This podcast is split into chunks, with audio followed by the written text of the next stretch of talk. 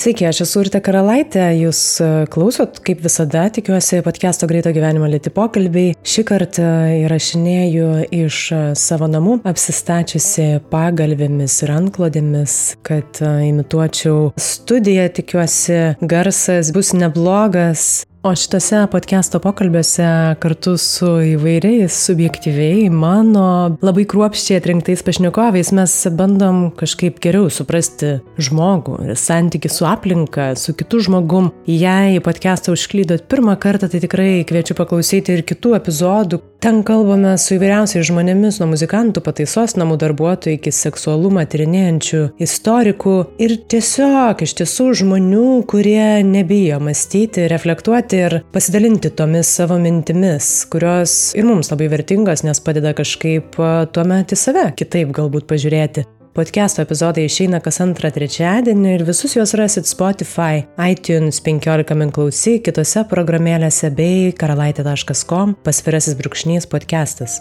Praėję metai podcast'ui buvo ypatingi dar tuo, kad išdrysom penkis pokalbius paversti tekstinę formą ir išleidom kišeninių knygų seriją, kurioje yra penki be neriškiausi ir mano, ir panašu, kad ir jūsų nuomonė pokalbiai. Tai jeigu jums smalsu išbandyti podcast'o pokalbį kitokioje formoje, formate, kuris kažkaip leidžia dar atidžiau ir lėčiau pabūti su tomis mintimis e, pašnekovų, ar padovanoti žmogui, kuriam audio turinys nėra tiek e, patogus ir prieinamas, tai podcast'o kišeninių knygų seriją galite įsigyti karalaitė.com pasvirasis brūkšnys parduotuvė.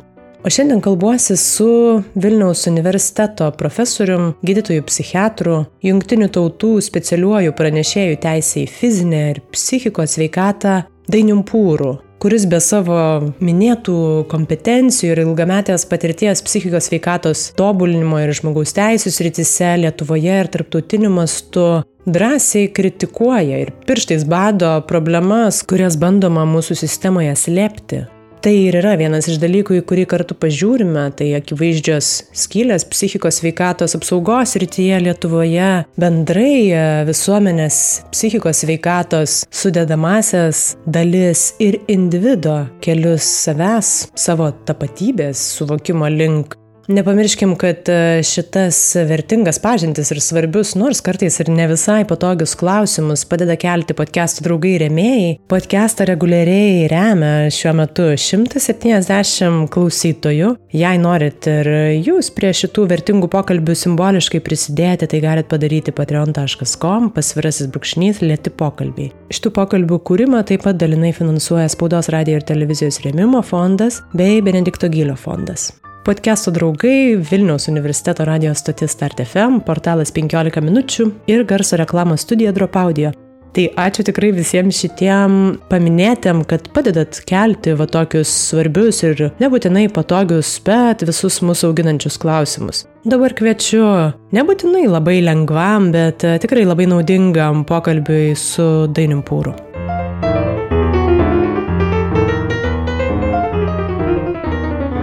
Aš labiausiai turbūt ir norėčiau pradėti nuo, jūs pats dabar prieš keletą dienų publikavote tekstą LRT apie ir dabartinę situaciją, ir valdžios santykių su žmonėmis, su visuomenė ir tų skirtingų valdžių.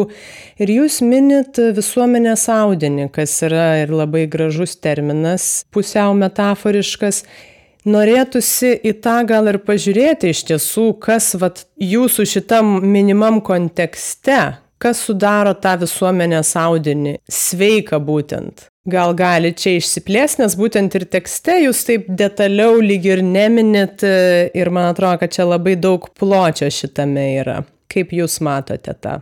Na, aš noriu piliečiam, skaitytojam, klausytojam kiekviena proga perteikti pamokas, kurias pasaulis išmoko, spręsdamas sveikatos problemas, ne tik tai psichikos, bet visos sveikatos.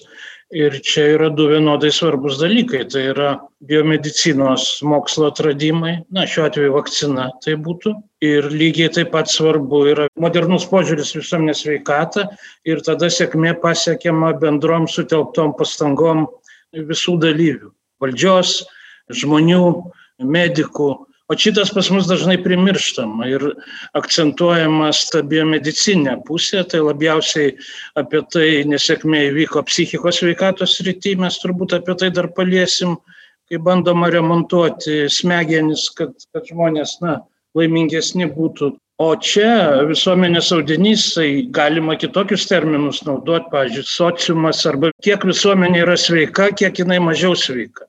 Tai tą galima pamatuoti. Aišku, sunkiau negu vandenį ar orą ten matuoti. Ta visuomenės dvasinė sveikatą, bet įmanoma pagal įvairius, gal netiesioginius rodiklius, bet smurto įvairių apraiškų paplitimą, savižudybių, žmogžudyščių ir visą tai sudėjus mes turime žymiai sveikesnės už mūsų visuomenės į šiaurę ir į vakarus nuo mūsų, su visom jų problemom. Galima pamatuoti.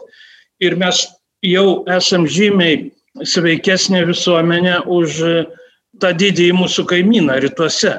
Tai va jeigu šitą žmonės geriau suvoktų, tai tada mažiau būtų iečių laužoma, na, ką čia mums kartu daryti iki pandemijos, po pandemijos, bet ir per pandemiją. Tai apie tą visuomenės audinį gal kitais terminais kalbėjo Emilis Durheimas, kuris buvo nu, sociologijos tėvas, jisai kūrė sociologiją. Tai XIX amžiui žmogus aprašė savo knygoje suicidas, savižudybė ir yra ir lietuvių kalba išversta, nu tai ten skaitai ir Lietuvą atpažįsti. Žvalgus mokslininkas aprašė visuomenės audinį, kai kas nors sutrinka ir, pažiūrėjau, kai pasipila tų savižudybių. Ir didžiausia klaida būtų tada smegenis remontuoti. Na, apibendrinčiau taip, tai yra visų mūsų visuomenės narių tarpusavio santykių tokia sankaupa ir ko yra daugiau, ar pagarbos vienas kitam pasitikėjimo ir na, tokio sutarimo, ar smurto, nepasitikėjimo, ten išdurinėjimų visokių. Na nu, ir va, čia mes ir esam tokiuose supoklėse, reiškia, kurią pusę pasisuks dabar ypač ryšim su pandemija. Ar čia mes išeisim iš tos pandemijos stipresni, pasitikintis vis labiau, ar liks kaip buvo, ar dar blogiau. Nu, mesgi žinom mūsų piliečių požiūrį į valdžią. Patys išrenkam ir jau kitą dieną sakom, tai nesąmonė. Tai čia taip nieko nepasieksi. Ką valdžia bedarytų, kokia jin bebūtų, jeigu kritinė masė piliečių nepasitikės, kaip vaikai žaidžiant, kai sako, kas pirmas pradėjo. Tai čia panašiai toks žaidimas vyko, bent jau iki šiol Lietuvoje kas pirmas pradėjo, ar valdžia savo sprendimais didino piliečių nepasitikėjimą ir tada jie nesilaiko rekomendacijų, sakysim. Ar reiškia, valdžia sako, nu tai ką, nieko negali padaryti, nes vat, piliečiai čia neatsakingi yra, tai žinai, mes idealiai viską darom, bet va, tie žmonės va, tokie negeri yra. Tai aš tam tekste ir kituose atkreipiu dėmesį, kad nu, moralizuoti, ar mes moralizuotume vienos šeimos, kitas moralizuoja. Dauguma žmonių šiek tiek išgeria, bet kiekvienas galvoja, kad tiek, kiek jis išgeria, tai yra normaliai. Ir, ir tada jisai piktinasi tuo, kur nu, dar, dar daugiau išgeria. Tai panašiai čia mes nenueisim su to moralizavimu, čia tų visokių epitetų rinkimų, nu kokių tik čia neprisiskaitai. Ir būtent elitas šito dabar smaginasi, ne? piktinasi, supras, kokie mes šaunus, bet kaip gaila, kad yra ta kita Lietuva, kuri, reiškia, čia pavėda, tada mes nelaimėsim. Nu, va taip aš pakomentuočiau tą metaforą ir tą, dar sulyginau, gal truputį provokuodamas biomedicinę pusę, aš pats esu medikas, bet medikų ruošime yra perteklinis dominavimas biomedicininio modelio. O va tą, ką aš kalbu, tai yra, nu, maždaug čia eik į filosofijos fakultetą ar į bažnyčią ir ten filosofuok. Tai labai neteisingas supratimas, nes pasaulio sveikatos organizacija ir daug tarptautinių organizacijų visiems pasakys, kad 90 procentų sveikatos, na ir fizinės, ir psichikos priklauso nuo to audinio, nu, nuo tos aplinkos, kurioje mes gyvenam, o ne nuo to, kas ten mus paremontuos ligoninėse. Tai 90 procentų mūsų visų sveikatos nulėmė visuomenės narių santykių kokybė ir kaip mes e, visi kartu susitelkę rūpinamės e, visuomenės sveikata. Tai jeigu ta visuomenės sveikata yra, sakysim, nebloga, nu tai mes galim tikėtis ir gerovės ten, apie kurią dažnai šnekam, O ta biomedicinė pusė yra labai, labai svarbi, bet vien tik su ją mes niekada nepasieksim geros visuomenės veikatos. Taip, ir čia gal norisi dar truputį grįžti, jūs minit vat, būtent tą smegenų remontavimą. Tai čia ir siejat, ar ne, su būtent biomedicininiu požiūriu ir prieimu, kad žiūrima į, į fiziologinį ir į siaurą aspektą kažkokį, ar ne, ne į plačią problemą.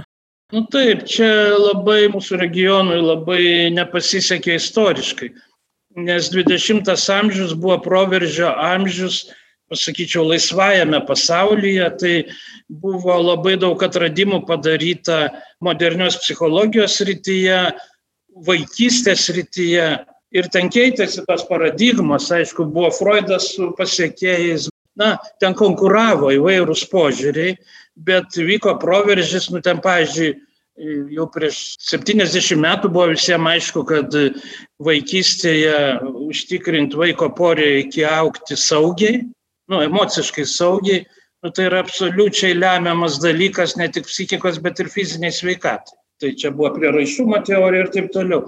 Ir mes nuo to buvom uždaryti dėl geopolitinių dalykų. Sovietai pasirinko kitą kelią, kad valstybė yra geresnė motina. Kai aš pradėjau dirbti, tai 17 tūkstančių vaikų buvo auginami internatinėse įstaigose. Tai dabar mes turime mažiau kaip 3 tūkstančius ir tai dar sakom labai daug, o buvo masiškai. O vakaruose, kadangi per daug vienu metu buvo psichoanalizės, nu tai jie prieš 40 metų prisiminė smegenis, ten atrado prozaką, vieną kitą vaistą, sako, va čia geras dalykas, gali padėti nuo depresijos, tai gal ne tik tai psichoterapijos reikia, bet ir vaistų reikia. O tuo metu mūsų sienos atsidarė, nu taip sutapo, va prieš 30 metų. Ir tada pas mus pasipylė konsultantai ne tie, kur aiškintų iš vakarų, ne tie, kur primintų, kad reikia, nu, dar dvasinio gydimo. Na, aš čia taip kaip sinonimus naudoju, psichologinio gydimo, psichoterapijos. Čia beveik tas pats visą tai. O pas mus buvo tik vaistai. Aš kai pradėjau dirbti, tai buvo kuo daugiau vaistų duos ir po kokius penkis ir vaikų, ir suaugusių, tai mane bardavo ir gydytojas, kad pabėgo grupė paauglių, tai kodėl tu nedavai tiek vaistų, kad jie nebepajudėtų. Tai reiškia, buvo visiškai aiškiai žinia pasiusta, kad reikia duoti vaistais arba ten insulino komom, ten viso to prisižiūrėjau, tų visokių siaubų, kurie tuo metu buvo standartas. Reiškia, sakė, va kaip reikia gydyti. Taigi medicina yra kuo agresyvesnis, tuo geresnis daktaras, ar ne? Nu tai va, ir psichiatrijai, tu daryk viską, kas įmanoma, kad sustabdyti, nu, tų nelaimelių, reiškia, tas baises psichikos lygas. Nu, buvo prikurta tų visokių būdų ir atsidarė mūsų sienos ir tada atvyko jau nebe iš Maskvos, o iš vakarų konsultantai, kur mūsų ministram ir psichiatram pasakė, jūs duokit vaistų, jeigu pas jūs daug žudosi. Jūs pagydykit smegenis, ten yra cheminis disbalansas smegenyse, pas jūs daug žmonių yra susirgę depresija, depresija yra smegenų lyga, nu ir pirmin, ir 30 metų tai vyksta. Tai dabar vakaruose jau vėl jie atsitokėjo, nu, nes visa psichiatrija vystosi kaip švituoklė tokia, visa istorija yra tokia. Tai vakaruose jie jau suprato, kad jie perlenkė su vaistais o mes dar smaginamės dėl ir korupcinių čia dalykų prisidėjo visokių. Nu ir man aišku liūdna, kaip jau dabar jau ir mokinių karta, tai tiem, kur nepatinka ta tokia sistema, tai jie išvažiavo, o tie, kur liko, nu tai ką jiem daryti, jie prisitaiko ir, ir skiria tos vaistus. Tai pasišnekam, tai sakau, nu tai kodėl čia skiriat vaistą, jeigu nereikia čia to vaisto skirčių atveju. Tai sako, patys žinom, kad nereikia, bet jūs žinot, kad Lietuvoje ta visa ligonių kasų sistema veikia taip, kad, nu, jeigu gydysi medikamentiniu būdu, tai kompensuos, o jeigu pasakysi tėvam, pažiūrėjau, kad reikia vaikui psichoterapijos, tai yra netrumpas procesas ir, ir nepigus, nu tai tada out of pocket, kaip sakoma, tai turi pinigų žmonės, tai jau gali gauti tą, bet apibendrinant tokia išvada, kad dėja mes čia namų darbų netlikom ir pagalba neprieinama. Labai sunku paaiškinti, kad visa tai yra dėl va, tokio istorinio palikimo, nes, nu, žinot, politikai nemėgsta tokių kalbėjimų, tai sako, sakyk aiškiai, ko reikia, žinai, ko čia atėjai išmušti, kas jums nepatinka. Mes sakom, sistema neveikia. Ne, jau taip tai nešnekėkit. Na, žinot, sistemą pakeisti, aišku, nėra lengva užduotis, bet 30 metų mes dangstome įdingą sistemą ir tai yra iš tikrųjų nejuokingas dalykas. Tai pasakyčiau, tai nemažiau brangiai kainuoja, kai pandemija mūsų užklupusi. Gal čia nekorektiška lyginti. Vien tik mirčių mes galėtume paskaičiuoti, kad jau 30 metų mes po kelis tūkstančius mirčių turime dėl šito, nes žmonės Lietuvoje miršta dėl vadinamų išorinės mirčių priežastis. Tai savižudybės kablelis, nukrito, paskendo, sušalo, nu tos keistos mirtis tokios. Liaudiškai išnekant pats susilenkė savo pastangomis. Tai kas čia dabar darosi? Mūsų medicinos sistema sako, mes nežinom. Netoks dalykas, kur čia santariškėse pagydys. Nu tai taip, aišku, kad nesantariškėse. Čia yra visuomenės veikatos problema, nuo kurios miršta. Šiemet nuo to mirs, nu, kažkur virš 2000 žmonių. Iš jų tik, tik trečdalis yra savižudybės tos, kur fiksuojama. Dar du, du trečdaliai, kaip šiai žmogus vat, savo pastangom, ne taip vienu kartu nusižudo, bet ir mes sakom, nu ką darysi čia, žinai, nu jo, yra toks dalykas, nu ką darysi. Tai padauginkim vidutiniškai 3000 iš 30 e, metų, nu tai vat, jau, jau mes nu, apie 100 tūkstančių tokių mirčių. Bet čia galima pažiūrėti ir ilgesnę perspektyvą ir į tas mirtis, kurios, na, ne tiek tiesiogiai, bet irgi be galo susiję. Tai ir, ir širdies lygos, kurios ir su stresu, ir priklausomybių lygos, kurios irgi turbūt su, su to pačiu nesugebėjimu ir nesitvarkymu su emocinėmis problemomis susiję.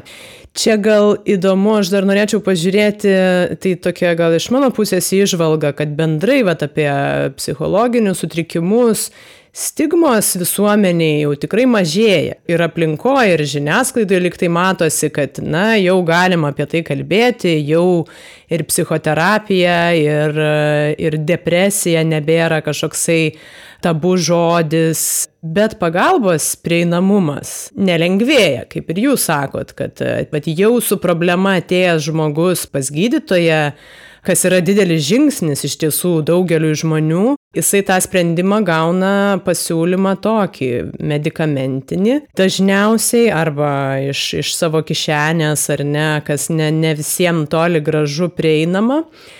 Čia gal irgi platesniam pagalvojimui, kaip jums atrodo, tarsi atrodytų, kad visuomenė auga ir tobulėja, o vat valdžia ir sistema kabinasi ir nori, nori, na, nebūtinai grįžti atgal, bet stovėti čia, kur patogu ir nejudėti. Tai mano, čia tokia būtų išvalga, kad kol kas iki šiol tas rūpėjo vienai visuomenės grupiai, būtent tai, kur turi pinigų, ir ją puikiai aptarnauja Lietuvos geri psichoterapeutai, kurių yra daug, jie yra gerai išsimokę įvairių psichoterapijų. Ir psichoterapeutam gerai, nes jie turi mokius klientus. Nu, ir tiem žmonėm gerai, nes jie jau supranta, kad ir jiem, ir jų vaikam gali reikėti psichoterapijos. Dabar lieka didelė dalis Lietuvos, kuri negali to gauti, bet kaip taisyklė šitie žmonės ir nereikalauja. Va čia yra problema. Nu, ar jūs kokį nors girdėjot judėjimą tokį masinį, kad spaustų politikus, kad, reiškia, ne vaistų trūksta, o tų vat, terapijų, kur yra, nu, šimtametė patirtis vakarų pasaulyje. Aš ne kartą iš politikų girdėjau, kad, nu, nu, kad nieks neprašo, tų pavieniai žmonės prašo, bet tokio spaudimo tikro politikam tai nėra. Kita vertus, aš toks optimistas, kad galbūt šita pandemija užaugins tą kritinę masę žmonių, nesgi dabar daug kas supranta, kaip svarbu emocinė sveikata. Nu, kai tenka užsidaryti, reiškia, kai tenka pagaliau būti ilgai kartu mamytei, tėveliui ir vaikučiam ir tas džiaugsmas greitai virsta, nu, nesakau, kad pragaru, bet ten visokiam smurto apraiškom. Nes, nu, pas mus dar daug žmonių neturi to emocinio raštingumo ir kai tenka kartu ilgai pabūti, nu, ten prasideda proveržiai įvairių, nu, nu, žmonės nemoka tvarkyti su savo jausmais.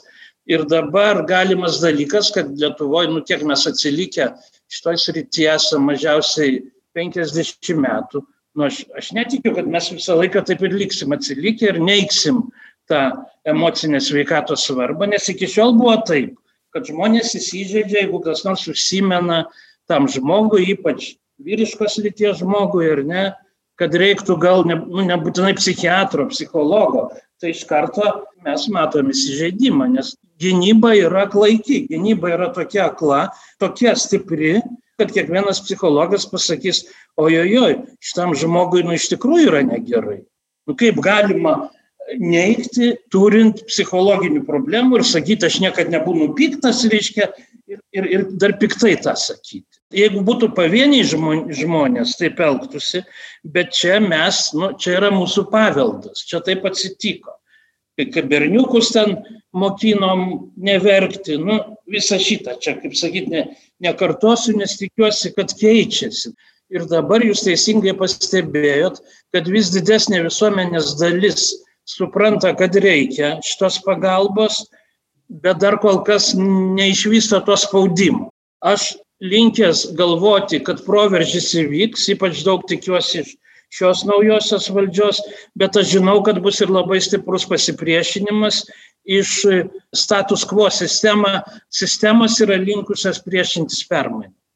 Ir mūsų sistemoje Lietuvoje apie 90 procentų lėšų nueina į tris dalykus, kurių reikia, bet žymiai mažiau. Tai psichiatrinės ligoninės, medikamentinis gydimas kompensuojamas ir po to, kur išveža žmonės ten visiems laikam gyventi, nuolatinės globos įstaigos, kur 6 tūkstančiai gyvena tai tas suvalgo 90 procentų visų pinigų, o reiktų apsukti aukštinkojom, kad nepatektų žmonės į psichiatrinės ligoninės, į nuolatinės įstaigas ir, ir kad vaistų mes skirtume tik tada, kai jų iš tikrųjų reikia, o ne kad tas spragas uždengti sisteminės. Ta prasme, man kai žmonės sako, kad ką tu čia skleidi kažkokią depresiją, sakai, kad viskas blogai, aš sakau, ne, aš kaip tik optimistas esu jeigu mes pagaliau per 30 metų sugebėsim visi kartu, visuomenė ir valdžia, e, diagnozę parašyti sistemai, nes taip dar nei karto nebuvo įvykę. Čia ką aš dabar šneku, žinokit, aš čia nusišneku.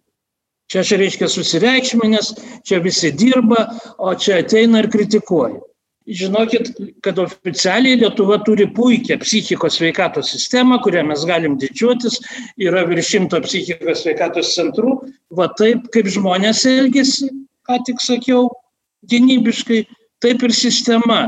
Apkasus įsikasė ir sakė tik nejudinkit mūsų mes esam geriausi pasaulyje. Nes kiekvienas kas blogą sapną susapnavo gali iš ryto nueiti psichikos sveikatos centrą ir daktaras išrašys gerų vaistų prieinamumas yra nuostabus ir tuom, tuom naudojasi. Tai jeigu žmonėm tinka, jeigu žmonės neprotestuoja, nu tai aš tą, tą, tą, tokią nuvalkiotą frazę pasakysiu, kad mes Lietuvoje turim tokią psichikos sveikatos sistemą, kokios esame nusipelnę. Turi bent 5 procentai, bent 10 procentų žmonių sukilti ir sakyti, gana, kodėl mes negalim, ką vokiečiai darė antro pasaulinio karo, kai jie buvo visiškai demoralizuoti ir sugriauti, Vokietija, aš turiu galvoje vakarų Vokietiją, jie iškart pradėjo kurti šitą infrastruktūrą. Jie nelaukia, kol ekonomika suklestės. Nu, tai aš čia, kaip matot, užsivedžiau, bet, nu, žino, 30 metų va tą patį kartoti ir kaip į sieną, nu, tai kartais iš tikrųjų būdavo neviltis. Na, dabar yra tų vilčių, pažiūrėsim.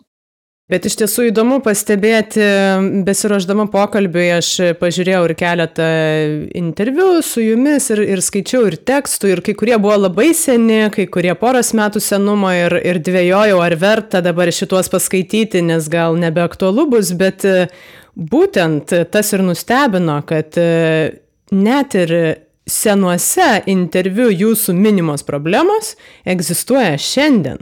Tai reiškia, kad e, daug dalykų iš esmės nesikeičia. Na, jūs minit dabar internetus ar, ar globos įstaigas, tai vad pastaraisiais metais ar ne kažkokių pokyčių matom, bet psichikos sveikatos srityje mes tų esminių pokyčių nematom jau daugybę metų, nent popieriaus. Aš noriu truputį dar grįžti, nes jūs paminit e, keletą kartų jau ir čia gal norisi tą akcentuoti, išskiriat būtent vyrus, na, kad gynybiškai reaguoja ir būtent šitai lyčiai ir iš mano patirties, kiek aš matau ir aplinkoje, yra sunkiau ar savo pripažinti pirmiausia kažkokią problemą, nesvarbu, ar tai būtų priklausomybių ar psichologinių sutrikimų, tai gal galit trumpai čia žvilgtelti, kodėl būtent šitai lyčiai yra sunkiau ir ar čia yra mūsų vėlgi geopolitinės tokio šleifo pasiekmės, ar čia jau grinai biologiniai dalykai? Na, pirmiau pasakysiu kelis sakinius apie moteris. Man čia teko šešis metus pasaulio orbitą prižiūrėti visą tą e, jungtinių tautų lygį. Tai pasaulyje iš tikrųjų moteris labai nukentėjo nuo psichiatrijos paklydimų, nes psichiatrija mėgdavo visai psichiatrizuoti kaip moteris besielgtų, tai būdavo blogai. Vien tik žodis isterija, ką reiškia. Ne? Žodis kilęs nuo žodžio gimda. Tai suprask, nu, ko daugiau iš moters laukti, kad tik tai isterikos. Arba moteris būdavo per daug emocingos ir būdavo priverstinai gydomos, arba jos būdavo nepakankamai moteriškos ir būdavo priverstinai gydomos, yra nusiaubinga istorija. Ta prasme, psichiatrija yra dideliai skoloj moterim. O su vyrais atsitiko taip, aš gal apibendrinčiau, kad jie tapo auka savo kaip bumerangų, jų polinkis į tariamą vyriškumą, nu, kad tikras vyras tai tas, kuris nu, kažkiek vis tik pasmurtauja, nes jeigu visai nesmurtauja, tai koks jis vyras. O smurtas yra toks dalykas, kad nebetskirsi, kada jisai nukreiptas į kitus, o kada į save. Nes dažniausiai būna du viename. Nu ir tie vyrai, smurtaudami prieš kitus, daugiausiai prieš moteris, prieš vaikus, nu, tuo pačiu atsisuko juos pačius, nes, nu, pažiūrėjau, jie šitą mūsų regione, jie buvo tradicija, kad tikras vyras daug išgerti gali. Nu, ir tada tas daug gebėjimas išgerti pradėjo žudyti žmonės, mes žinom, savižudybių yra penkis kartus daugiau vyrų tarpė, nu, penkis, keturis kartus daugiau Lietuvoje ir aplinkinėse regionuose vyrai pasirodė esanti žymiai trapesni socialinio virsmo laikotarpiu, kai keičiasi daug kas, kai reikia prisitaikyti, moteris kažkaip tai matyti moka ir tas emocijas išventiliuoti, iškanalizuoti e, natūraliais būdais, aš nežinau, ten su, su drauge pasiplepant ar kaip. O vyrai tapo aukom va to, to kartojimo, kad aš esu tvirtas ir neįsiu pas daktarą, nu, ne tik dėl emocinės sveikatos, bet iš vis neįsiu pas daktarą. Eiti pas daktarą yra silpnumo požymis, ne va tai. Nu ir va taip kartu sudėjus mes turim, kad, pažiūrėjau, Lietuvoje bent 10 metų, o gal ir 11 metų yra skirtumas tarp gyvenimo trukmės. Gal čia toks juodas humoras, bet nu, taip, tenka konstatuoti, kad silpnoji lytis yra vyrai. Nes nu, mes daug metų kartuojam atvirkščiai, tai aš tą noriu pasakyti, kad čia gal iš vis tas silpnoji lytis gal blogas terminas, bet vyrai yra pažeidžiamesni, jie yra trapesni. Nu, taip skamba gal paradoksaliai, bet, bet taip yra. Pasaulyje yra visai, nu ten, pažiūrėjau, Kinijoje nusižudo daugiau moteris negu vyrai. Tai mes turim suprasti, kad yra daug visokių kultūrinių dalykų. Ir aš čia noriu atkreipdėmėsi, kad pas mus tradicionalistai, jie mėgsta priminti tradicijas, kultūrinius dalykus, kad čia nebežveniaukim visokių vakarų. Aš noriu, kad mes pagaliau išmoktume atskirti sveikas tradicijas nuo, nuo žalingų tradicijų. Ir man gaila, kad Lietuvoje daug e, tradicijas atstovaujančių, nusakysim, permainom besipriešinančių žmonių ir grupių neatskiria grūdų ir pelų ir gina bet kokias tradicijas tame tarpe auklėti vaiką pagal savo įsitikinimus, kaip jie pasakys. O tarp eilučių, taigi mes žinom, ką reiškia. Jeigu mano įsitikinimas yra, kad be diržo e, žmogum neužauks, nu, tai viskas aišku, kad mes proteguojam smurto kultūrą. Tai va čia vyrai nukenčia nuo to, ne mažiau negu moteris. Reiškia, moteris ir vaikai nukenčia nuo smurto kultūros ir smurto apraiškų, o vyrai nukenčia nuo to bumerango efekto, kad tas atsisuka prieš juos pačius ir jie tada smurtauja prieš save ir, ir žudosi tiesioginė ir perkeltinė prasme. Bent jau berniukam, nu, susitarkim, jau skleiskim tą žinę, kad nu, nebemoralizuokim berniuko, kai sverkti pradeda, nes nu, čia jau tikrai toks įvadas, įžanga į, į vyrų tą trumpą gyvenimo trukmę. Nu kaip mes galim taip užkeikti žmogų, kad jis negalėtų gyvenime jausmų savo išreikšti. Tai jam reikia prisigerti baisiai, kad jis ten išsiverktų ar, nu nežinau ką. Tai va čia buvo tokių užkeikimų nemažai mūsų vadinamai, reiškia, nuostabioj liaudės išminti ir taip toliau. Tai reikia, reikia atskirti žalingas tradicijas nuo, nuo sveikų.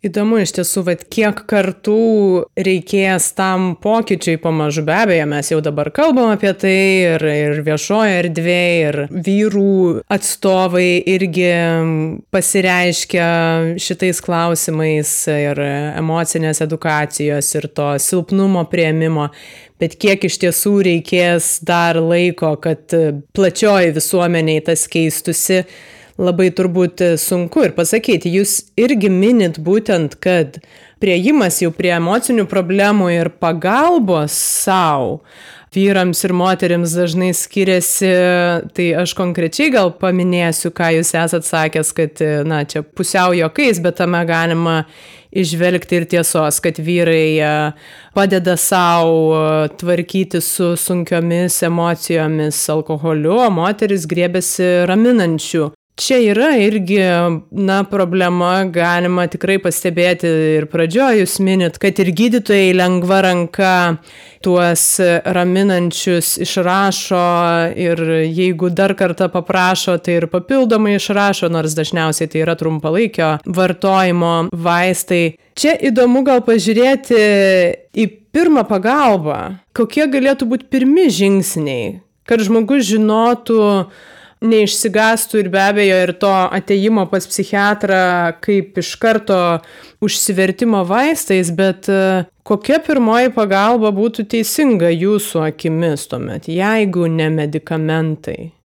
Jeigu galima būtų nupiešti, tai čia tokią piramidę nupieštume, kur tas pagrindas tai būtų nespecifinė pagalba pradedant nuo artimųjų draugų, bet koks turėjimas draugų, pažiūrėjau, su kuriuo gali pasišnekėt, įsišnekėt jau yra gydantis dalykas, bet čia dar, dar, dar negydymas, reikia atskirti. O po to jau būtų gaila, kad pas mus mažai panaudojama, nes šiaip geriausi talkininkai yra ta fronto linija, tas pirminis lygis, tai tai būtų, pavyzdžiui, mokytojai, tai būtų šeimos gydytojai. Ir kai aš klausdavau Britų vaikų psichiatrų, o kaip jūs gydo tą, o kaip jūs gydo tą, ai nesako, mes banalių sutrikimų tai negydom, kaip ir širdžių lygose, kaip ir plaučių, kaip, taip ir psichikoje, taip ir vaikų psichikoje, iki 80 procentų atvejų turi likti pirminiam lygiui. Va kokia būtų sveika sistema. Tai kas tas pirminis lygis? Tu eini pas savo šeimos daktarą ir pasišnekė apie tas problemas ir šeimos daktaras priima sprendimą arba jis užsima tuom ir patarė ir suteikia konsultaciją ir, ir pasikalba ir gal netgi kokią trumpą psichoterapiją suteikia, nors aišku, čia daug kas pasakys, kad jie neturi tam laiko, bet nu, viską galima spręsti. Arba jau nutarė, kad jums reikia eiti į kitą lygį, antrinį lygį. Antrinis lygis tai yra specialistai. Tai specialistai tai yra kardiologas ir specialistas yra psichiatras arba vaikų psichiatras. Na, pas mus įvyko kitaip, kad tie mano minėti psichikos sveikatos centrai, kurių Lietuvoje yra daug, jie įkurti pirminiam lygi. Žmonės ten tiesiai gali ateiti, apeidami šeimos daktarą, tai šeimos daktarai suprato, kad psichikos pinigus iš jų atėmė ir jie beliko tik tai kūno daktarai, o dėl psichikos eikit tiesiai tuos centrus. Nu ir ten yra psichiatrai, kurie išrašys vaistų, o ten nėra tiek tų vadinamų terapeutų. Aš jokių būdų nenoriu pasakyti, kad kiekvienu atveju, kai yra žmogui blogai su psichika, ar jis to priima ar nepriima, kad reikia eiti pas specialistą. Tai yra per brangu, paprasčiausiai. Jeigu turi pinigų, taip, tai tu gali, kas buvo madinga vienu metu vakaruose, psichoanalizę daryti ne dėl to, kad tu ten turi psichikos problemų, o šiaip kiekvienam žmogui yra vertinga patirtis, nu, bet už tai taigi valstybė nemokės.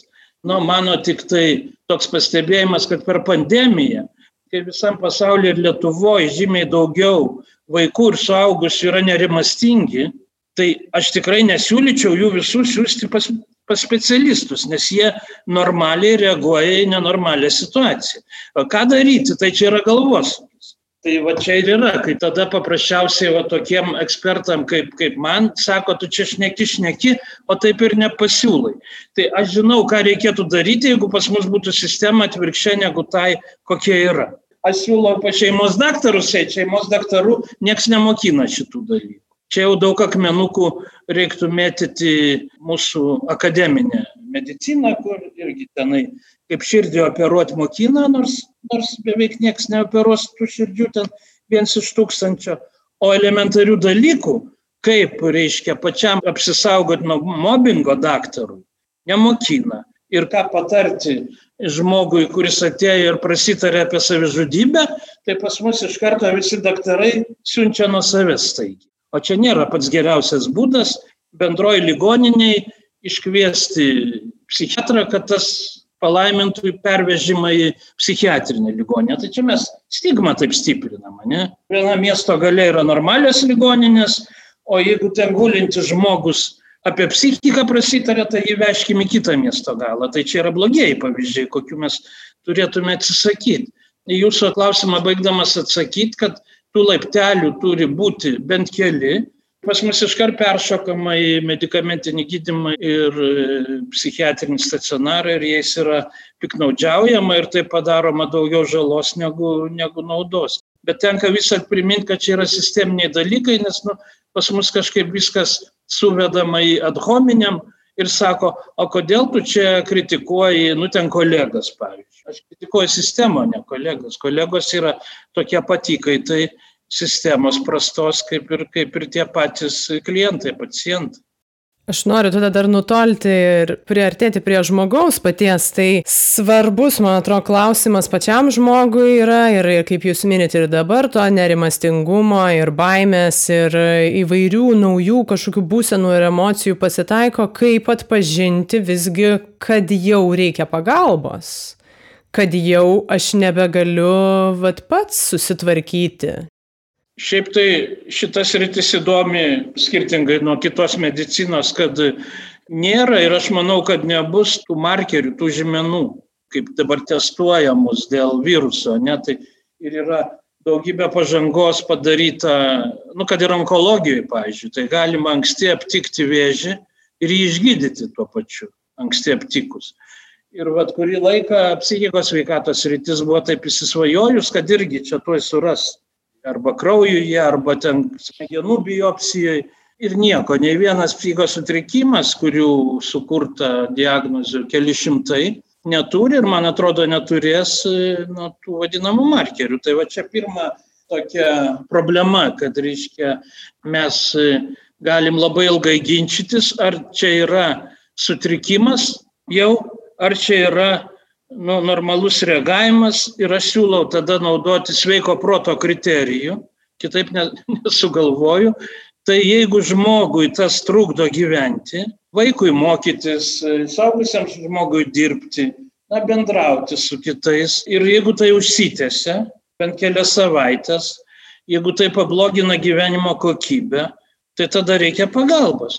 Nes aš galėčiau daugybę ir iš savo praktikos pavyzdžių pateikti, kai panašus simptomas, nu, pavyzdžiui, yra įkyrumai. Moksliškai vadinasi obsesijos ir kompulsijos, bet daugybė žmonių turi įkyrumų, ritualų, kurie jiem padeda reguliuoti nerimo lygį. Eina ten ir skaičiuoja, ką nors. Eina ir kad ten, nežinau, neužlipti šalygatvį ant, ant, ant linijos ar dar ką nors. Sportininkai prie startą ten visokiausių keistų judesių daro ten iki juoko galima stebėti ir galvoti, kad kodėl jie taip keistai elgesi. Nu, jie užsibūrė, jie užsiprogramuoja sėkmę, jie susikūrė tokį ritualą.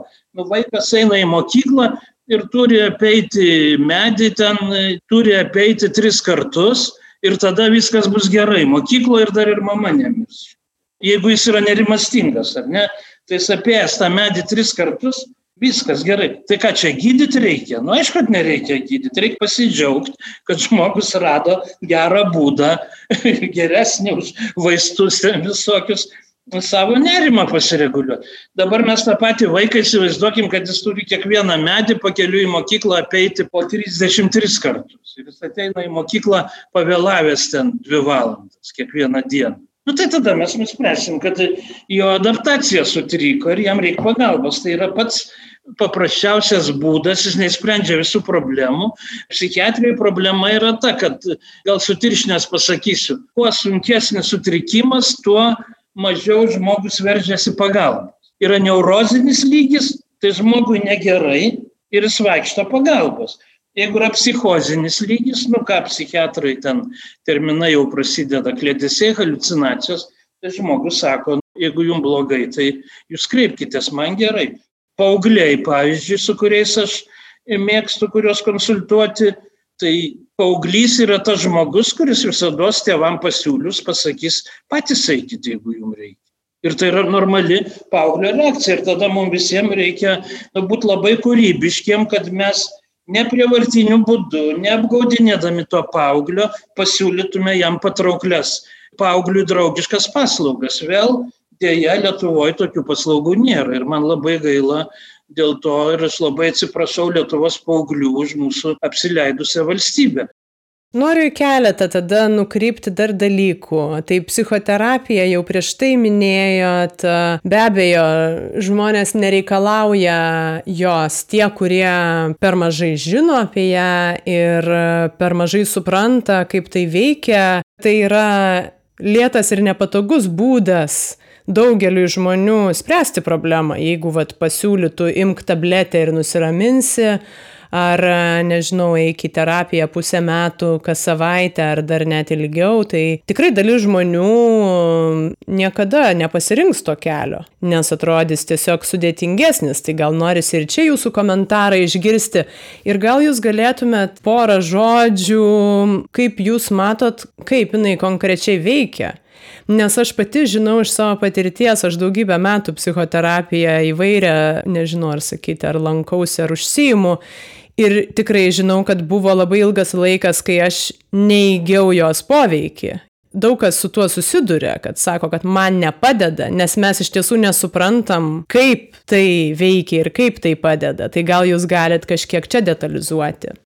Palyginčiau, kaip skirtumus pateikti, su chirurgo darbu. Mes, psichikos sveikatos specialistai, na, gal truputį pavydim chirurgam, pas kuriuos kartais žmogus ant kelių atšliaužia ir sako, darykit bet ką, pjaukit pilvą, nes baisus skausmai ir tada yra beribis dėkingumas, nes, nu, faktiškai išgelbėta gyvybė. Dabar su psichoterapija ar tik nebus truputį atvirkščiai.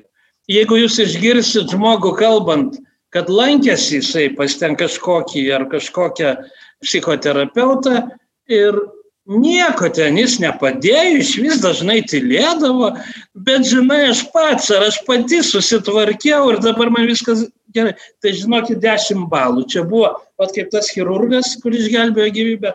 Tai va psichoterapeutas turi dirbti taip, kad neduok dievės nepradėtų duoti patarimus, kaip gyventi. Jis tarsi palydi pasiklydusi žmogų, o žmogus pasiklydė miške, išlenda kažkoks ten žmogelis ar ten burtininkas, nežinau, ir paina kartu ir dinksta.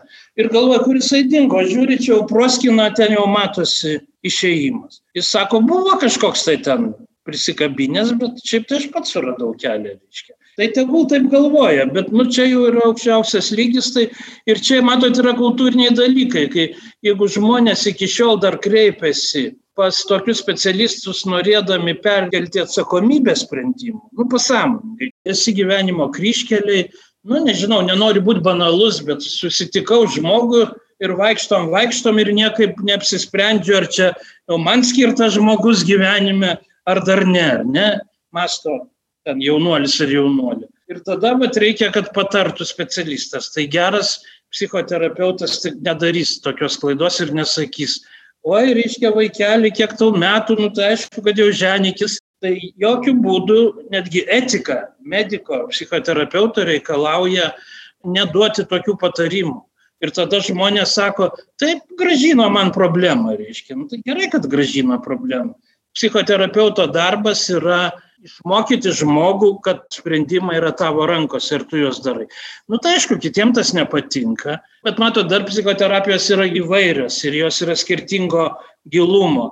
Aš simpatizuoju giluminę ir, ir esu psichoanalitinę psichoterapiją na, baigęs, bet dėl vis, visokių pragmatiškų priežasčių jos aš nesiūlyčiau valstybei, sakysim, jų pirkti, nes jos yra per brangios. Čia iškyla problema.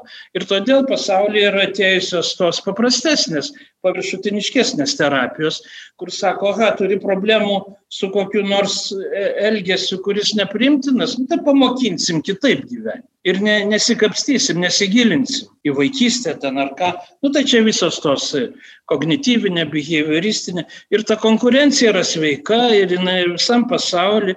Ir Lietuvoje irgi yra net keliolika e, tų mokyklų. Tai va čia toks yra indėlis psichoterapijos į, į sveikatos apsaugą, į mediciną. Yra chirurginis modelis, kuris labai reikalingas, yra infekcinių lygų gydimo modelis ir yra vat, psichikos sveikatoje būdas geriau pažinti žmogų, geriau padėti žmogui pažinti save ir kitus ir tokiu būdu sveikti. Vėlgi prilyginčiau chirurgijai, nu, kai reikia kartai žaizdą prapjauti ar ten pūlinį ir tas gali būti skausminga, nu, tai čia irgi toks žaizdos atverimas, nu, psichologinės, gali būti skausmingas, apie save sužinoti tokių dalykų, kur, nu, gal ir nesinorėjo sužinoti, ir ne, bet paskui psichoterapijos esmė yra nepalikti taip žmogaus su ta žaizda. Tai va čia yra e, laiko reikia, nes vyksta ten įvairūs procesai santykiuose tarp psichoterapeuto ir kliento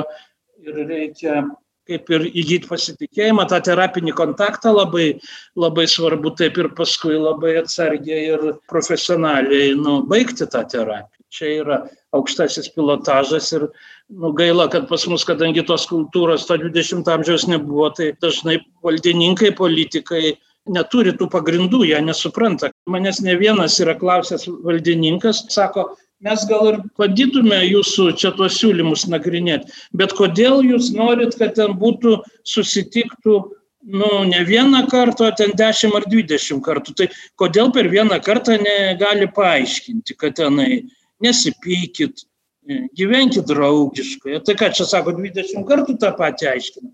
Nu, tai tada rankos nusvyra ir galvoja, nu, va, nu ką daryti. Mes su amžinatilsi Leonidu Donskiu per vieną iš jo laidų, be pykčio, kai būdavo, prisianalizavome iki to, kad dėja mes dar Lietuvoje gyvenam iki freudiniai stadijai. Kai reiškia va ta gynyba mano minėta ir kai viskas bandoma racionaliai aiškinti, kai medikai klausinėja paciento, pažiūrėjau, o kodėl jūs geriate, tai čia Nobelio premija priklausytų, jeigu tas žmogus atsakytų, arba kodėl jūs elgiatės agresyviai. Tai kaip galima užduoti tokį klausimą? Nes liktai čia žmogus pats turėtų žinoti giluminės priežastis savo elgesio. Kadangi tai yra pakankamai tokie gilus ir užtrunkantis dalykai, tai jie ne visose kultūrose populiarūs ir iš jų kartais net ir pasišaipama, tik vad bereikalo. Čia įdomu, ką Jūs minit, na, tokie racionalūs klausimai užduodami žmogui, kuris, na, lyg ir jau sutarėma, kad žmogus yra neracionalus ir tuo labiau save nuo A iki Z suprasti negebantis, galbūt ir niekada negebėsintis, jeigu ne va tokios kažkokios pagalbinės priemonės, kurios nėra greitos ir va tą kažkaip irgi žmonės truputį sunkiai supranta, ypač dabar, kai, kai viskas yra matuojama efektyvumu ir racionalumu, kai norima pasiekti tikslų greitai, spręsti problemas greitai. Dar noriu truputį paliesti savirefleksijos temą. Jūs irgi esat minėjęs, kad nebūtinai jau kažkokių labai sutrikimų turinčiam žmogui, bet tiesiog samoningumo, savęs pažinimo tikslais kokie klausimai yra galbūt svarbus. Vienas iš jūsų irgi minėtų kaip vertinu save. Tai įdomu irgi, vad, kodėl toks ar kitas klausimas yra svarbus, kažkaip bandant suprasti savo santykių ir su savim ir, ir save. Tai gal galite šitoj temai truputį išplėsti. Tai čia vis apie panašius dalykus tenka kalbėti. Mes turim prisiversti analizuoti, kas darosi su mūsų santykiais, o tarptų santykių yra santykis su savim, kuris, na, kiek įmanoma turėtų būti adekvatus, nes nutenka matyti žmonių, kurie turi su savivertė problemų ir arba yra pasikėlę, kaip, kaip liaudėje sako, reiškia, nekritiški savo elgesiu ir, nu, kaip sakyti, mėgsta kitus kritikuoti, o, o nepakankamai savikritiški.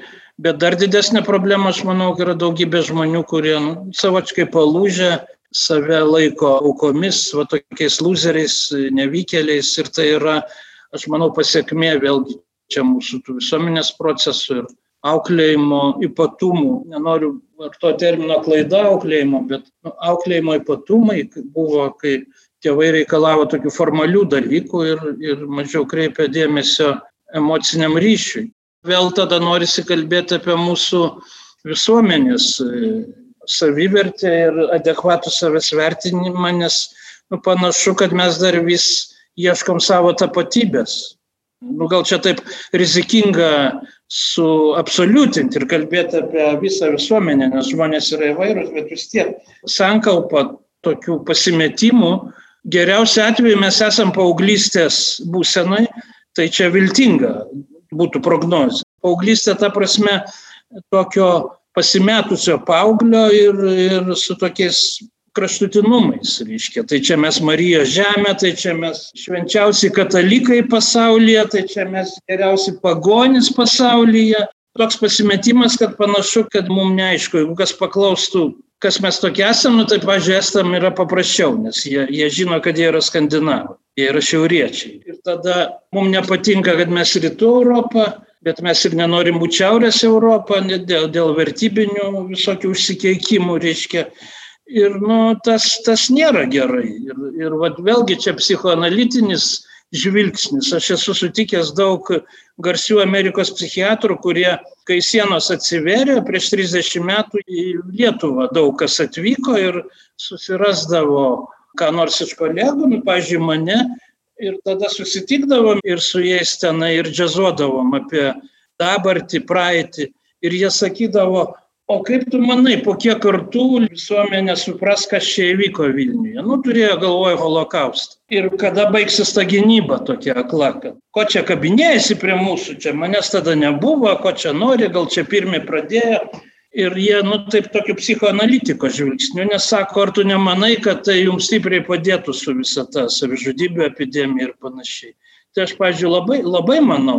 Aš nesakau, kad čia kokia nors svarbiausia priežastis, bet taip ir prisideda. Tai jeigu mes atsisakom reflektuoti, nu, žmogus apie savo vaikystę, dabar mano karta, kuri galvoja, kad stalinizmas tai buvo baisu, o paskui jau ten prie Brėžnevo tai jau neblogai buvo. Pavyzdžiui, mano įžvalga yra tokia, kad mus pagadino Brėžnevo laikai labiau negu Stalino laikai. Nes Stalino laikais vertybės buvo, takoskira buvo aiški. Brėžnevo laikais viskas susimaišė ir ten iki šiol neaišku, kad jie labiau nusipelnė Lietuvai. Kaip ten visi kolaboravo masiškai, kol mes šitų dalykų taip ramiai neišsianalizuosim, tol tas toks neiškumas ir bus su mūsų tapatumu ir tai neprideda geros emocinės veikatos, kai tu nežinai, kas tu toks esi, reiškia. Tada tu arba vaidini kataliką, kas man atrodo blogiausias scenarijus. Labai gerbiu katalikų bažnyčią, bet aš netiek daug Lietuvoje katalikų tikrų pažįstu. Tai man atrodo, čia tas blefavimas ir vaidinimas, ne va tai mes esam be galo religingi, nepadeda mūsų emociniai sveikatui. Lenkai yra žymiai labiau tikresni katalikai, ten žymiai mažesnis savižudybių skaičius. Čia mes tokie ypatingi katalikai, kurie daug žudomės ir, ir tikim reinkarnaciją. Tokia kombinacija, kur, nu, nu šiaip savo atrodo. Tai va matot, vėl ieškau tos individų dažnos sumaišties, ieškau vėlgi toj visuomenės audinio struktūrai, nu, oi tik tai vėl pradėsiu apie praeitį šnekėti. Kurkim ateitį, užmirškim praeitį. Tik aš, aš nesakau, kad raganas reikia mečioti, bet va, ta analizė kaip žmogaus gyvenime labai sveika yra. Taip ir visuomenės gyvenime tokia rami analizė kas su mumis yra įvykę, man atrodo, būtų labai terapiškas toks dalykas. Bet tai tos e, savirefleksijos, na ir visuomeninės, ir individualios, ką jūs minėt, ir čia tikrai taikliai suvedėt, jos galbūt ir vyksta dabar, e, na, matant ir viešojo erdvėje, ir kažkokias diskusijas dėl um, istorinių, nežinau, ir, ir įvykių, ir, ir žmonių, ir paminklinimo, ir įprasminimo klausimus. Mes tas diskusijas ir kažkokias refleksijas jau galim pastebėti, ko anksčiau gal visai nebuvo, kai pradedam kelti klausimus klausimus, koks mano santykis su ta praeitimi. Kaip jūs mato tuos procesus, na, kaip tos savirefleksijos ir visuomeninės gali tuomet vykti? Na, terapeuto Lietuvai turbūt e, neužsakysim, kad ir paties geriausio. Tai jos galbūt ir vyksta dabar? Tai vyksta, vyksta, tik labai sunku pamatuoti, ar tas procesas, kad vyksta, aišku, vat kitą kartą neaišku būna į kurią pusę, nes čia prieš kokius penkis metus buvo neramu, kad nori užsikonservuoti. Nu, ta prasme, nu, čia aš kalbu apie tą takoskirą tarp liberalios demokratijos ir, sakysim, tų tradicionalistų, ten tradicinės šeimos vertybės taip vadinamos. Ir tai yra natūralu, kad demokratinėje visuomenėje vyksta klausimas, nu, kas laimės. Tai dabar man gana netikėtai Seimo rinkimus laimėjo liberalios demokratijos šalininkai. Gal, sakyčiau, ne, nežymė persvara, bet Seime šiuo metu yra pirmą kartą Lietuvoje pakankamai daug jėgų, kur gali tvirtinti Lietuvoje liberalią demokratiją. Ir aš nevadinčiau, kad čia liberalai laimėjo, nes liberali demokratija tai yra kairieji liberalai ir konservatoriai, kurie pasisako už visuotinius žmogaus teisų principus, o po to yra du kraštutinumai - far right ir far left, kurie reiškia kalą tą liberalią demokratiją, kaip tai darė komunistai ir kaip tai daro vakarietiški talibai, reiškia. Tai Lietuvoje visokių yra ir gerai, nu klausimas, aš tai, pavyzdžiui, nu, labai norėčiau, kad mes būtume tokia sveika visuomenė kaip Niderlandai, kaip Vokietija, kaip Skandinavija. Ir aš nesuprantu, kodėl čia atsirado gazdinimai šitom visuomenėm. Nu, čia tikrai samokslo teorija, ne kitaip. Tai pasirinkti, aišku, galima, ypač tokių skaudžiais dalykais kaip aborto klausimas, tai čia bus amžina ryškė, nu ir pasaulyje yra polarizacija, bet kai pradedama šnekėti, kad grįžkim į tradicinis liučių vaidmenis, ne, kad moteris turi tą savo vietą turėti, kad vaikai ten irgi turi paklūsti, reiškia, nu tai atsiprašau, reiškia, tai mes nenorim sveikti. Tai čia jau aš labai jau ryštingą poziciją užimu ir, ir politikai, kurie sako, išlaviruokim per vidų ir aš sakau, baigit. Dabar matau visai gerą galimybę Lietuvai pagaliau pasveikti, nes tas toks paradoksas įvyko, kad mūsų tokie ultrapatriotai kartoja tą patį kaip, kaip ponas Putinas Kremliuje. Pasmerkim vakarų vertybės. Nu, kokios bebūtų tos vakarų vertybės, jos padarė tas visuomenės veikesnės. Įrodymų šimtas yra. Ir be to tai yra ne vakarų vertybės, tai yra po antro pasaulinio karo įvykęs konsensusas pasaulyje. Ką daryti, kad nebūtų kaip su Vokietijoje atsitiko su nacizmo ateimu. Tai aš čia tik tai peršokau į kažkokią politologiją, bet jeigu mes užsimerksim prieš diskriminaciją, nu bet kokią formą, tai nebus geros sveikatos ir ypač psichikos sveikatos jeigu mes toleruosim smurtą ir kad pateisint mušimą vaikų. Vat įsivaizduokit, koks kūrybiškas vyksta procesas. Čia kompromiso būti negali. Arba mes sutarėm eiti, kad kiekvieno žmogaus teisės ir laisvės būtų gerbiamos. Ir tai yra geriausias būdas visuomenės psichos sveikatos stiprinti. Aišku, yra kitų būdų. Bet pirmiausia yra šita, kad netoleruoti smurto, netoleruoti diskriminacijos, neligybės, kad būtų kuo mažiau socialinės, nes aišku, kuo didesnis skirtumas tarp turtuolių ir vargšų, tuo daugiau įtampų ir, ir visokių negerų dalykų. Ir kad būtų kuo mažiau socialinės neteisybės, kur yra subjektyvi. Arba Lietuvos vaikai. Jie apžvalgose labiausiai Europoje sako, kad aš jaučiuosi prastai. Tai dabar mes galim sakyti, nu ko jam trūksta, nu taigi palauk, nu taigi gerai yra. Nu ne, jisai prastai jaučiasi. Ir aš čia vėl grįžtu į santykius. Aš manau, kad mes suaugę iki šiol vaikų ir paauglių negerbė. Mes tik kartojam, kad jie mūsų negerbė, bet mes turim parodyti pavyzdį, o ne laukti, kad jie stebuklingai taptų kitokie. Kol kas mes blogų pavyzdžių juos pakraunam visokiom patyčiom ir taip toliau, ir paskui sakom, kas čia su jais atsitiko, kodėl čia mūsų paaugliai tokie dabar. Nu, va, tai ta veidmainystė yra, nu, toks gal pats pats dalykas, kur reiktų kažkaip mums kartu susitarti, būti atviresniais, va, kaip tie paaugliai, nu, va, ką galvoja ir sakyti. Dabar jau tapo mažiau patologija, jau čia sako, jau čia gal autizmas koks, nes žmogus, nu, žiūrėk, ką galvoja, tą ir sako. O dar su korupcija kovoja, tai išvis kažkoks keistuolis Teko va tokių pasisakymų tiek išgirsti, kad nu, dar sudėtingiau pasidaro. Kas yra norma, kas patologija, tai vienas iš mano atradimų per vieną renginį tai buvo tokia, kad aš pagaliau su, supratau, kad visuomenė yra labiau pavojinga žmonėms su psichikos sutrikimais negu tie žmonės visuomeniai. Nu, žinot, kaip sako, o jie pavojingi, o jie pavojingi, jie gali čia mus išžudyti. Tai čia yra smulkina palyginus su tuo, kaip ta sveikoji visuomenė, nu, su savo farizėjiškumu, reiškia, yra pavojinga nu, tokiem trapiem žmonėm, kurie va, turi kokių nors dvasinės sveikatos problemų. Taip kad čia labai daug įdomių tokių paradoksų ir būtų gerai juos, bet ir jų mačiau už tą indėlį. Nu, nėra dar to diskurso tokio, tikro, kuris buvo, pažiūrėjau, 68-ais buvo vakarų Europoje. Ėjo demonstracijos, ėjo studentai, profesūra, sostinėse, sakė, kodėl jūs uždarinėjat žmonės, kodėl jūs jiems visokias lobotomijas darot. Buvo tokia banga. Aišku, jinai įvairiai paskui aprašinėjama, kad ten buvo gal per daug, gal tos antipsichiatrijos, bet buvo be galo sveika. Bet tai yra sudėtingiau, na, ką jūs kalbate dabar, kad ir dabartiniai pokyčiai, ar ne, iš, na, tų institucijų uždarimo ir atskirimo, ar ne, nuo visuomenės, negu įtraukimo, aš įsivaizduoju, kokiais motyvais valdžia tai galėtų kažkaip ginčyti, kad tai yra sudėtingas procesas. Na, kad ir vaikui su autizmu e, lankyti tą pačią mokyklą, jūs minit, kad reikia ir asistavimo, ir tai vad tų sistemų mes irgi neturime. Bėda ta, kad kitą kartą ir gaila politikų, nes jie gal jau ir ką nors darytų, bet jie jaučia, kad jie neturės visuomenės palaikymą. Ir aš vis galvoju, koks yra skirtumas tarp vakarų Europos pokarinės, nes ten po antro pasaulinio karo, po gal jeigu ne 10, tai 20 metų va, tie judėjimai kyla. Dabar mes jau turim 30 metų ir mes labiau panašus į Rusiją, kuri vis dar švenčia pergalę.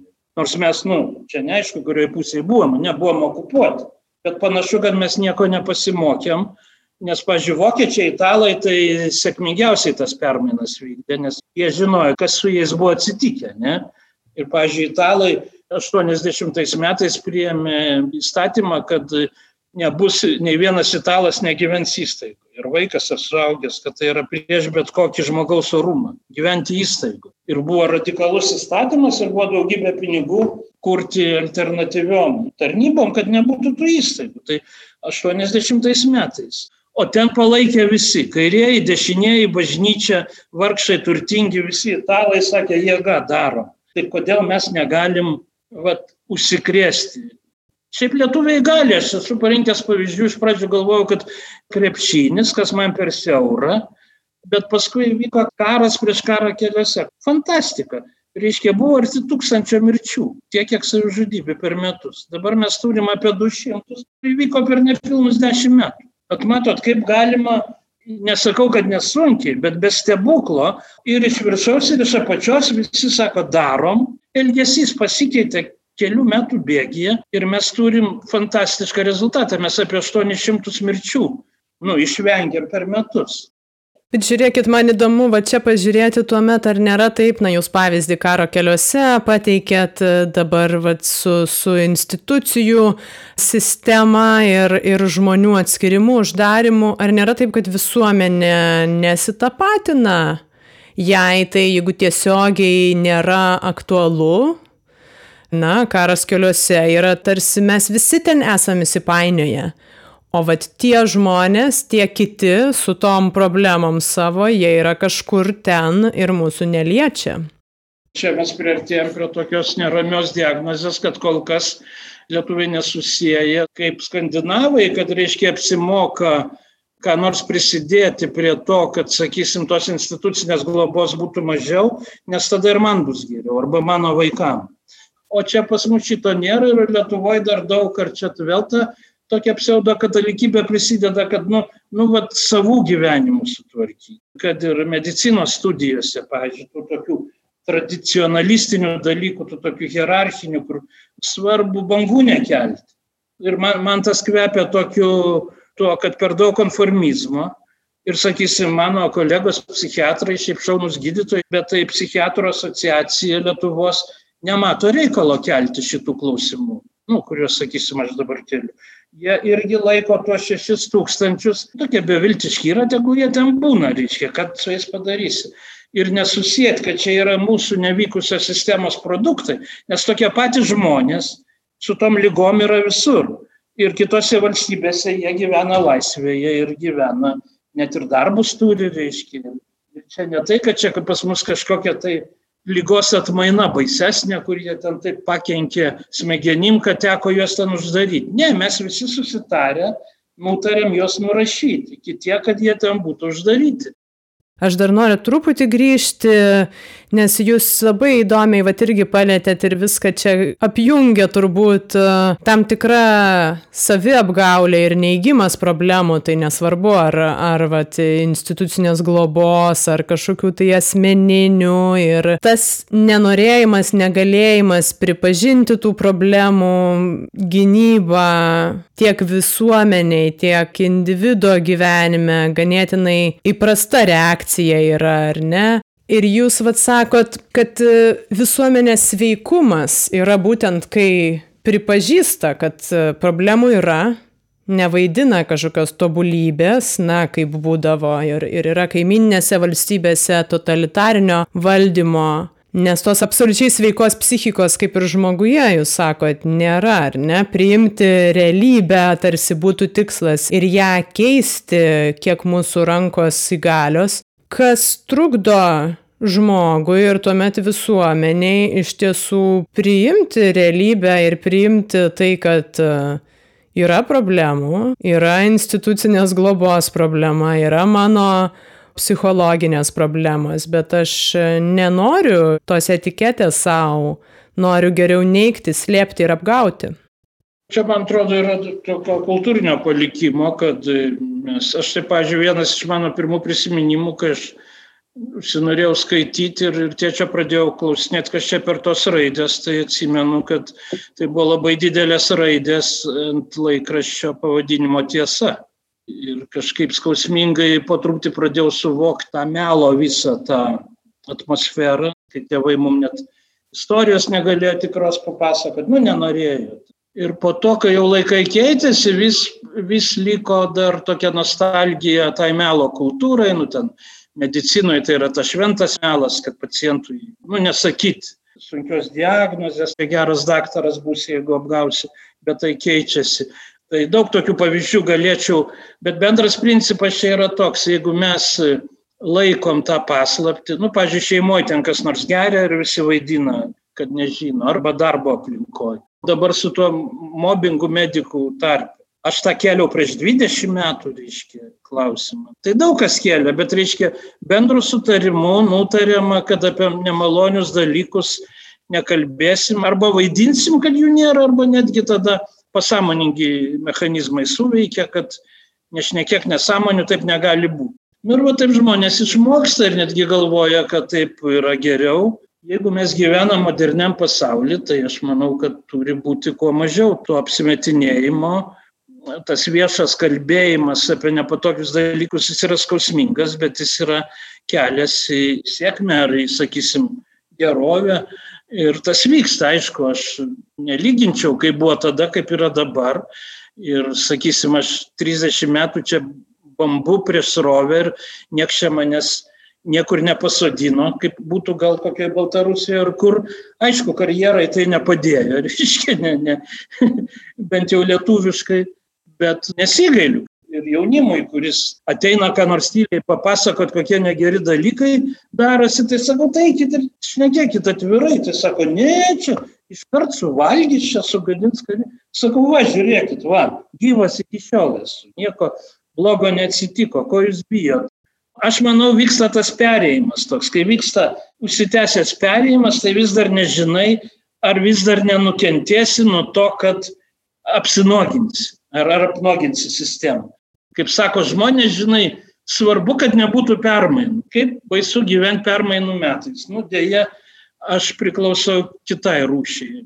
Kaip baisu gyventi, kai nėra permainų. Aš taip, pažiūrėjau, jaučiuosi laimingas, nes nu, aš permainų metais gyvenu, kad ir tokių užsitęsusių, bet vis tiek tai yra, nu, Alfredui Bumblauskui pritariu, girdėjau jį sakant, kad absoliučiai unikalus laikotarpis, ta prasme, dėkingumo prasme Lietuvos per visą sudėtingą istoriją, tą, ką mes turim vad, šiuo metu, paskutinius, sakysim, kokį 20 metų, nu, geriau nesugalvosi, tik panaudojam prasto tą unikalią mūsų situaciją ir veiksim čia ir tą pandemiją, tik vad, kaip pradžioj sakiau, atidomu, kas bus po to, ar mes iš pandemijos išeisim sustiprėję ir susilpnėję su tuo audiniu, reiškia, ar to pasitikėjimo daugiau bus, ar liks kaip buvę, sunku čia prognozuoti. Taip, tai čia iš tiesų, vat ir jūs grįžtate į pradžią ir galima pagalvoti ir apie tą atsakomybę bendrą kad visgi ir šita pandemija ir kitos problemos, kurias mes aptarėm, nėra tik tai kažkieno rankose, jų problemos galiausiai, kurios manęs neliečia ir kad e, ta bendra atsakomybė visų klausimų ir problemų sprendimuose yra mūsų visų iš tiesų, ką turbūt irgi svarbu nepamiršti, nes nebesam totalitariniam režime. Tai čia aš visai pabaigai noriu dar grįžti prie tapatumo kaip visuomenės ir, ir žmogui taip pat, kad būtent tapatumo klausimas, kas aš esu ir ieškojimas to kelia daug įtampos ir nerimo, ko galbūt mes iš tiesų niekada ir nesužinosim, nei kaip valstybė. Kodėl toks svarbus tas klausimas ir kodėl tas nerimas kyla čia? Aš tai manau, kad čia yra tokio sveiko žmogaus dalis turėti egzistencinio nerimo. Man patinka, kai meno žmonės ten kokio gimtadienio proga linki vienas kitam kūrybinio nerimo.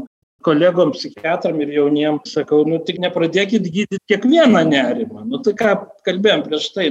Yra nerimų, kuriuos jau reikia gydyti, bet dauguma nerimų yra sveiki nerimai ir žmogus, kuris nejaučia jokio egzistencinio nerimo yra sustoję savo raidoj.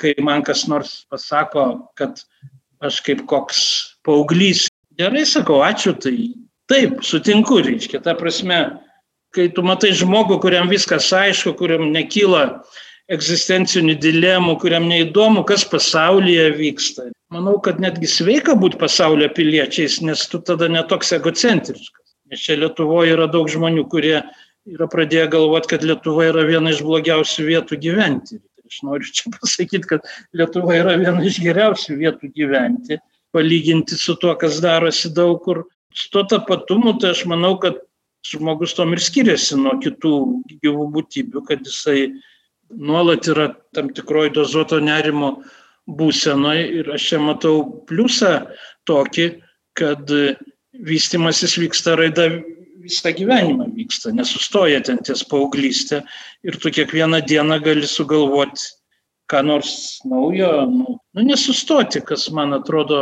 įeitų į sveiko žmogaus tokią definiciją. Tai va tam ir yra filosofija, tam ir yra visi tie socialiniai mokslai, kad mums padėtų kaip žmogui ir kaip visuomeniai būti brandesnė. Aš čia vėl labai noriu nuo visus paskatinti labiau gerbti socialinius mokslus ir filosofiją, nu, nes kartais nurašo, nu, kaip dabar maždaug, arba čia mes nugalėsim arba mirsim. Nu, nereikia čia taip. Virusas ir vakcina labai svarbu, bet va tas, kas aplink vyksta su tom diskusijom ir su tuo susitelkimu, tai yra taip netgi drįščiau pasakyti, kaip ekspertas, ilgesniai perspektyvoje vis svarbiau bus. Tai va dėl to ir reikia nepatogius klausimus uždavinėti ir ekspertai neturi pykti, reiškia, kad čia uždavė žmogelis kažkokį klausimą. O su tuo tapatumu, nu, tai taip yra, kad yra nuolatinis ieškojimas savęs ir, ir savęs tarp kitų. Ir man ypač patinka tas dilema, nu kaip sakoma, būk savimi. A ką reiškia būk savimi? Na, nu, jeigu aš esu koks nors, reiškia, visiškas loseris, nu tai ir būk tu loseriu, ne? Ne, čia ne tai reiškia būk savimi visai. Būk savimi tai reiškia dar, dar gerai paieškok, reiškia, kas tu, kas tu tas esi savimi. Va čia yra toks dalykas. Dėkui, profesoriau. Manau, tikrai mes labai nemažai čia pajudinom nepatogių klausimų. Tai dėkui Jums dar kartą už mintis drąses, nesustokit. Mes, Ačiū Jums labai. Ačiū Jums. Pradėjau, jūs. kažkaip buvau pražiopsojęs, dar pradėjau klausyti Jūsų podkastus.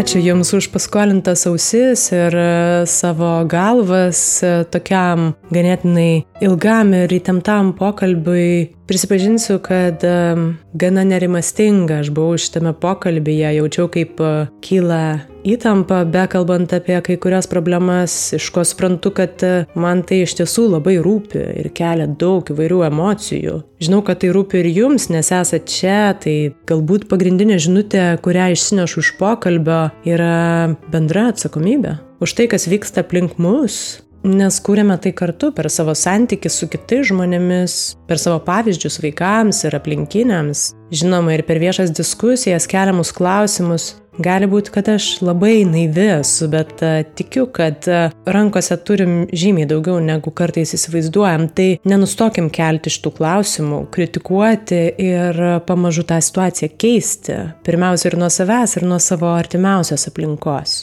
Ir kitas pasirodė labai svarbus taškas, kurį prieėjome pokalbėje, yra tiesa. Nebijokim tiesos kaip visuomenė, nedangstykim puliuojančių žaizdų, bet nebijokim jos ir, ir savyje. Nes man atrodo, kad saviapgaulė daugybėje situacijų yra labai gaji mūsų visų įpročiuose. Bandykime ten linkėti ir tikriausiai būsime sveiki tik tai tiesoje, su savim ir su aplinka. Nepraleiskit naujų podcastų epizodų, sekdami pokalbius Instagram ir Facebook paskyrose arba prenumeruodami audio platformose. Priminsiu, kad pokalbių kūrimą dalinai finansuoja Spaudos radio ir televizijos rėmimo fondas bei Benedikto Gylio fondas. Tai ačiū, kad galim kalbėtis. Čia buvo podcastas Greito gyvenimo lėti pokalbiai, aš Urte Karalaitė. Iki kitų kartų.